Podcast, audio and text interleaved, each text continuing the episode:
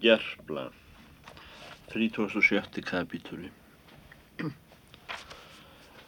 Nú víkur sögunni vestur að Ísafjörðardjúpi. Í öðri þróaðist hamingja meiri en minn vissu dæmi annar staðar á vestfjörðum og þótt leitað væri í öðrum héröðum. Frá því er vermundur goði hefði lagðar til jarðir og annan auð að gera þormóð frenda sinn jafn góðan Þóldísi Kölludóttur og staðið hefði brúkhaupp þeirra og þormóður sestur í bú. Þá glemdu hér að smenn honum fyrri áverðingar og það að all skamt var síðan hann hefði leið úti, kompátt Þorgers Hávarssonar. Bætti á vermundur að fullu þau verk þeirra fóstbræðra er tvímælis orguðu á hornströndum og Þormóður hafði áttar hlutdeild í. Það eru í munnum haft við djúb að þau ár er Þormóður satt að búi í ögri. Vilðist hann hér aðsmannum vel. Veit engi maður að segja að hann hefði setið yfir kosti bonda þaðan af. Nýja kynntan sig að öðru en eiru semi við menn fullkominni. Hann gerir sig og í öngu líklegan að seilast til metorða eða ríkis í hér að því en hefði kyrsetur heima í gardi sínum og blandaði lít geði við aðra menn, gerði sér jafnlítið þar um að eignast vini sem fjándur. Hafði hann sem fyrir segir verið flestum mönnum fimari að leikum, vestur þar þá er hann var ungur og gleðmaður mikill í fjölmenni, en síðan er hann kom úr vikingu undan horni og voru þeir fóstbræður skildir að félagi Þá leggur hann af flestar íþróttir, sótti og öngvar þær stefnur er menn komu saman til að skemmta sér. Það hafa menn okkur fyrir sett að alla þá stundar þormóður Kolbrúnar skálsað að búi væri hann eigi við konu kendur utan þóldísi eigin konu sína. Hinn óráðna mær sem að forvittni sökum let opinn gluggsinn um nótt var og ástkona bóndasins algjör, svo er líkur hjartamanns jæmt lífi og lim. Og því er það orðum gert að eigi hafi ástur jæmt góðar eða betri teikist með hjónum fyrir vestanland. Djúpið, Ísafjörðar djúp hefur ljós af því ljósi er menn hafa í fornum spjöllum kent við gimlið. Þórdís, kölludóttir að augri, ríkir í þvísa ljósi. Að sönnu eigi forvitin mær sem lætur inn leikmannin um nótti gegn vilja sjálfar sín, heldur mikilsverð húsfæraja í gæsku fullu hér aði, stilt í máli og þó heit, fasteig og þó leikinn híminn bláma augun. Eh, hárið öskulítara en verið hefði í bernsku og þó jafn stórt. Og svo mjög er hörund hennar drukkið sólu að öll stafar konan gullnu ljósi umhverfis sem hefði þar sjálf byrti loftsins tekið á sig konumynd og líki og hefur því verið trúað jafnan í fornsögum að slíkar konur hamskiptist í svefni og færi í áltarhami yfir loft. Þessa gullna kvennmynd dýrkar Þormóður Kolbrúnar skáld umfram alla eign og henni næst dætur tvær er hún hefur honum alnar.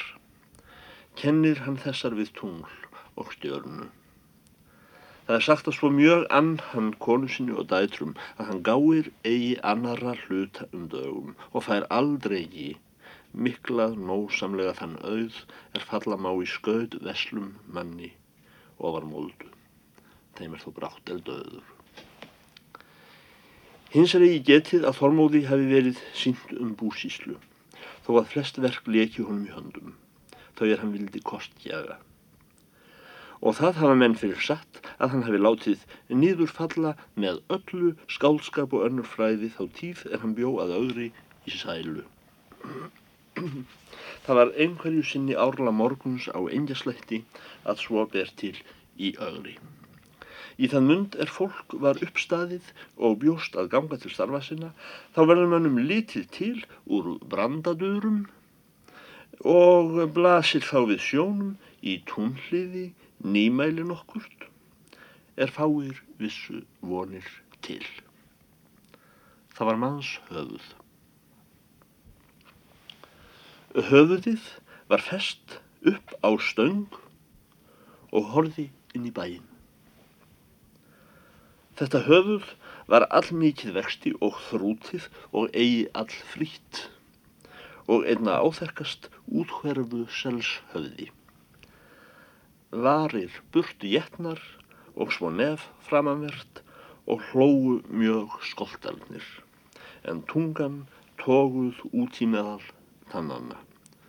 Augu sprungin og sokkin en hár mjög sörgað með gamalli blóðstorku og höfðu fæstir menn áður augum litið svo trölslegt höfuð.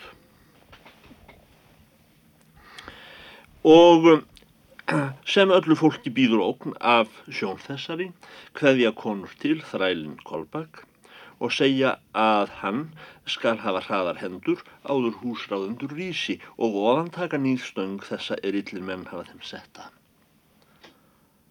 Kolbakur svarar og segir að hann er að vísu þræll en þó eiga konur að stýra verkum sjálfra sín fyrr en hans. En það er höfði þessu, segir þrællin, eigi til mín leikið, mun og eigi niður taka. Þá ganga út smá megarnar úr húsinu að vitja gulla sinna. Þrællin segir, snúið inn, meilur, smár og segið móður ykkari að hér stendur það höfuð, í þjóðhliði er hún má einn fyrir koma ef hún vill.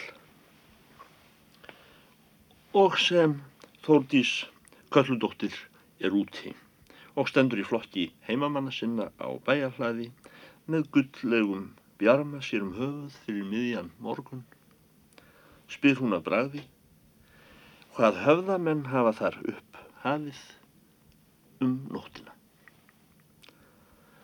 Þar fást eigi greið svör og vil lengi maður við kannast höfð þetta. Kolbakur þræll tegur til máls. Þar reyð nú það höfð í garð, húsfræja, segir hann, að þú munt ráða skulu hvort eða grafa eður eigi áður vakinn sé bóndi þinn. Áttu þess nú öll, hvort þú vilt grafa láta, að honum form spurðum, eða býða uns hann vaknar, mun hann þá í milli velja þins höfuðs og þessa höfuðs. Húsfreyja hlær við og segir að ef þetta var örlega höfuð, Þá var eigi hún til sköpt að fyrir koma slíku höfði. Tjóar og lít þótt að grafa. Enda skal manna hver það höfð fyrir hitta einhvern dag. Og gangið inn litlar glókollur mínur, segir hún. Og vekið að svefni föður ykkar og segið að sá er fyrir durum er ekki var setna von og vissaði lungum að hann myndi að gardi bera á morni blíðum sem þessi er með sól skín á djúpið en æðar ganga frá hreðurum sínum. Síðan snúa megarnar inn í húsið og gangað hvíluföður síns og kissir hinn eldri á fótónum í sæingunni, en hinn yngri þrýstir sleikifingri á nefbrott honum og vekja hann svo. Hann rýs upp í hvílunni og grýpur til begja meia og hefur þær í fangi sér og spyr þær tíðenda. Fadir minn, segir hinn yngri mærin, haus er úti uppfestur á stöng og hefur engi maður séð jafn ljótan. Hvað hausa, segir hann. Þá svarar hinn eldri mælin. Ég hygg, fæðir minn, að þar sé komin djöfull, Karl. Sá er mest hefur hraktur verið og pindur á Guði og bundin var fastur og köllum mér miðgarðs orð og verður heimsbröstur þá og losnar.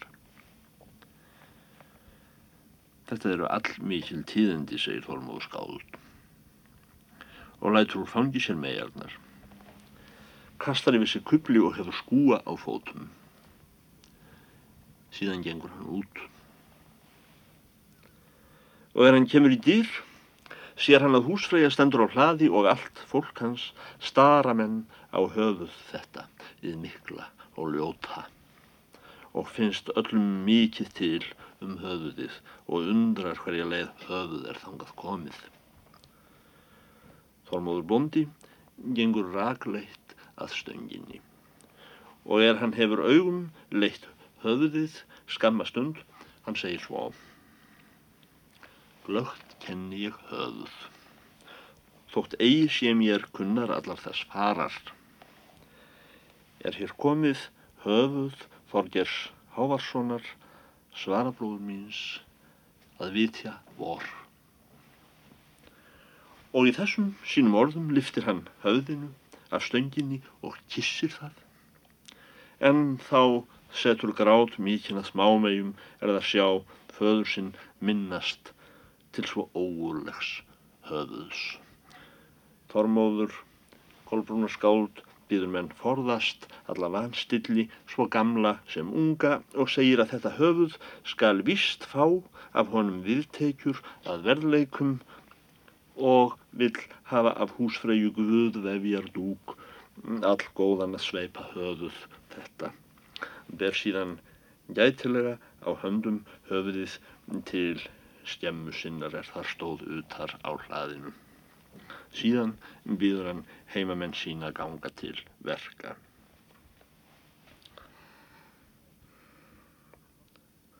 Nú er Þormóður hefur herbergt höfuðið í skemmu sinni, sveipt það dúkinum og meld við það um stund.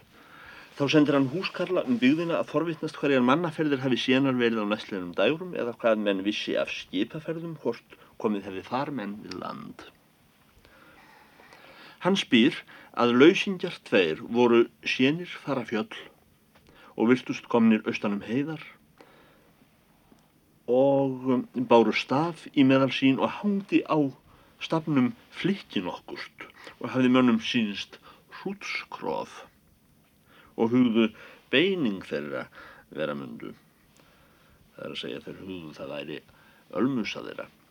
Um, höfðu menn skapað að þar mundu fara þeir kumpánar Butraldi, Brúsasson og Lúsotti fylgisvenn hans er jafnan gengu um vestfjörðu jafn skjótt og Þormóður hefur þessi tíðindi spurð setur hann á flót karfasinn og gerir sína ferð í Vatsfjörð að hitta að máli verðmund goða. Þá var goðin mjög nýjinn að aldrei er hér var komið sögu en þó ber hann kennsl á Þormóð frænda sinn og lætur hann sitja nær hægjendi sínu og spyrt tíðenda. Þormóður segir af leta um höfuð Þorgers Hávarssonar er uppvar fest fyrir durum í ögri og spyr hvort vermundur hefur heyrst þegar manna getir er flutt hafi með sér höfuð þetta um vestfjörðu. Vermundur Karl, hvað höfuð það er hann nefndi, mundu illu stýra, dögt sem kvikt og vist hefur eigi hann starfað að því að draga fjánda þann um vestfjörðum. Tormóður spýr að þeim félögum Butralda og Lúsa Odda eða hvað slíkir vændismenn voru líklegir að eiga stjólum þær myndir. Vermundur hveður nær sinni higgju að menn þessir veri á brottfarnir af landi til Grænalands. Er það gott ráð þeim er litlir vonar menn eru á vestfjörðum að flytjast ángað. Þormóður segir að honum þykir vermundur tala svo sem væri honum flest kunnara en sér um þá hluti sem hér voru í orðnir og vilda ekki tilmælast að þú hefðir mig eigi að háði og spotti í þessu máli, veistu, og að svo var tíð að gott var í kunnleikum með mér og konungsmanni þeim er nú var uppfest hans höfð fyrir þjóðdur mjögri. Vermundur segir Hitt hugða ég þér skildara að þakka, er ekki kiptað þér þann hvem kost er ágæðtastan getur um vesturland. Þormúður spyr, ef vermundur veit fyrir víst hvort vesalmenni þau er hann áður nefndi voru banamenn Þorgers Hávarssonar. Vermundur svarar, það veit ég aldrei ekki hverjir hjöggu höfuð af Þorgeri Hávarsinni en það hyrði ég að vita ellegar hvort þeir butraldi kiptu höfuð nyrðra af strákum. Hitt þykir mér næri hæfi að þvísa höfði hafi nú makleg skil gerverið. Var Þorgeir hingað sendur forsending af Norrks konungi að drepa bændur nokkra vestur hér er þið fyrra ár börðu kaupmenn hans sem tóku upp vöru þeirra við því verðir þeim þótti sómi að gjalda og var að mínu ráði gert að gjalda eigi meira. Oss vestfyrðingum er ósátt um þótt Ólafur konungur samprófi að eigi geri hann ófyrir sinju flugumenn á hendur oss að drepa þingmenn voru góða bendur fyrir augum vorum þó að ég gerum snú afgamall. Um atvík að dauða Þorgils Hávarssonar svo og í hverjum stað hann hafi látið lífsitt munu sendt fást greið svör af fræðimannum. Ber þar margt í milli í formum bókum. En um einn hlut lúka vísanda menn upp einum munni. Og er eingi svo bók rítinn í saga upphæfin er það evi. Að Þorger Hávarsson var í svefni högvinn en fjall eigi í orustu. Og svo hitt, að hann let lífsitt fyrir vopni öngrar hetju og eigi innheldur sæmilegs manns er sér hafi orð getið eða nafn. Eru þar allar bækur samsaga að hann hefi dreipinu verið af ókunnum lítilmennum en viður úr vopnum hans og stíð úr skildi haft til eldsneitis. Telja sumar sögur að matsveinar í höfn þar sem skiplá til byrjar hafi gengið frá köllum sínum að leita sér spreka og fundið hetjuna í svefni í búð einni um miðjan dag og hafi rekadrömb sér að kotta og lág hálsin á bryðhögginu, opinn og vissi upp hakan og þótti sveinum maðurinn liggja furðu vel við höggi.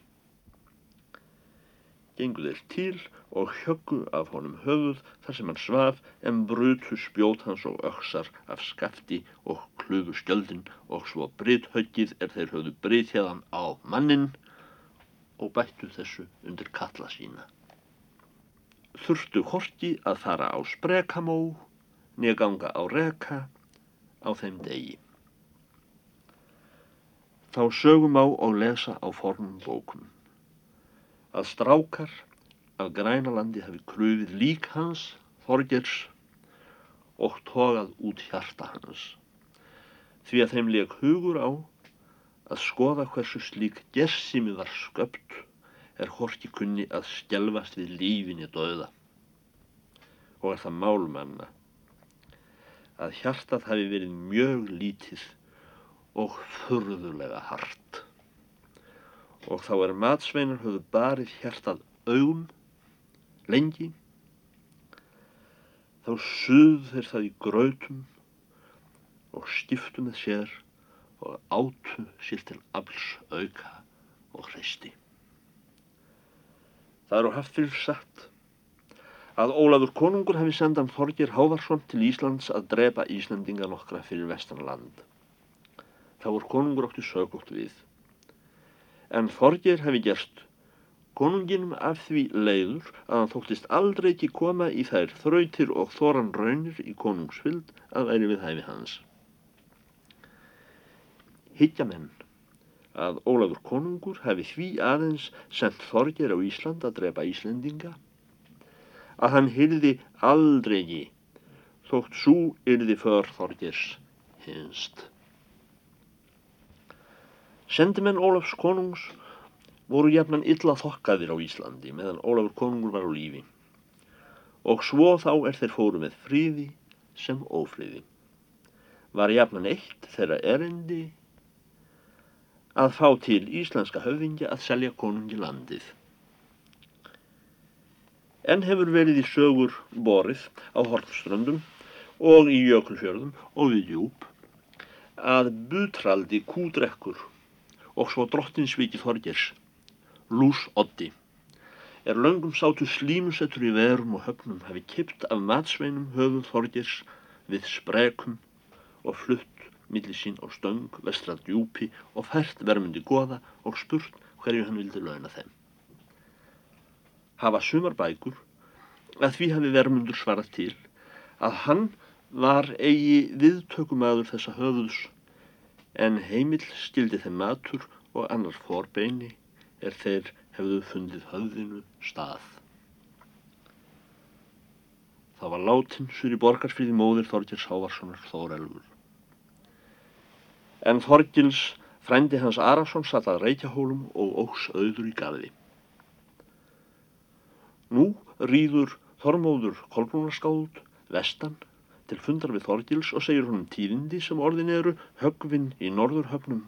Frændi hans, Þorgir Hávarsson, Sáur meiri var öðrum hetjum bornum á vestfjörðum og maður Ólafs konungs Haraldssonar og hafi vændismenn drefið garpin í svefni og fært höfuð hans norðan og uppfest fyrir dörum í áðri.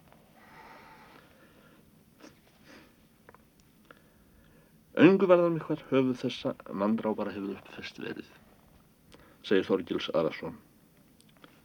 Og er svo gæfum unur okkar frenda að ég hef auðgast mest af hinnu að drepa eigi menn. Mun ég eigi þann upptaka á gamalsaldri að gera lúsaleit að mönnum til að drepa þá þótt einhverjir kynni að finnast auðdræpir af nennuleysi sökum í nokkrum höldum stöðum. Og ræðið þér að gera eftir mínu dæmi, góður drengur, og far heim til bús þíns og auðgast á því að gefa mönnum líf. En er Þormóður heimkomin í augur, þá gengur hann ragleitt til skemmu sinnar að helsa höfði Þorgers svarabróður síns. Og sem hann liftir guðavér dúkinn frá ásýnd garpsins, þá sínist ljótari miklu en áður og þefjar af mjög um skemmuna og hafa náð maðkaflugur að bera výur sínar í höfuðið. Þormóður dreifir nú salti á.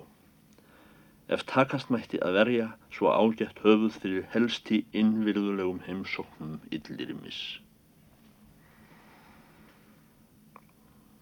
Nú var svo áliðið sumars að ekki urðu fleiri skipaferðir á landinu á því misseri og situr Þormóður heima að búi sínum. Um haustið gerist hann hljóður mjög og frábitinn samneiti manna. Hyrði líkt um þá hluti sem gerast umkringis hann, en sér þeimun djúpara í hug sér. Og þá er kona hans sest í knehónum, stríkur hann hár hennar við utan. Hann starir á smámegar sínar, svo sem væri úr laungum fjarska. Þá er þær eru að leikum eða sem sæi hann fyrir sér kynniamyndir á sjáarbotni. En kallar eigi framar á þær að sitja á gnið sér. Hann reykar öðrendisleisu úti og inni en sinnir öngu starfi og hefur upp fyrir sér í hálfum hljóðum hvaðskap myrkan. Marga nátt þá er aðrir menn sofa rýs hann úr rekju hljóðlega og gengur til skemmu og mælir við höfuð Þorgers Hávarssonar lengin ætur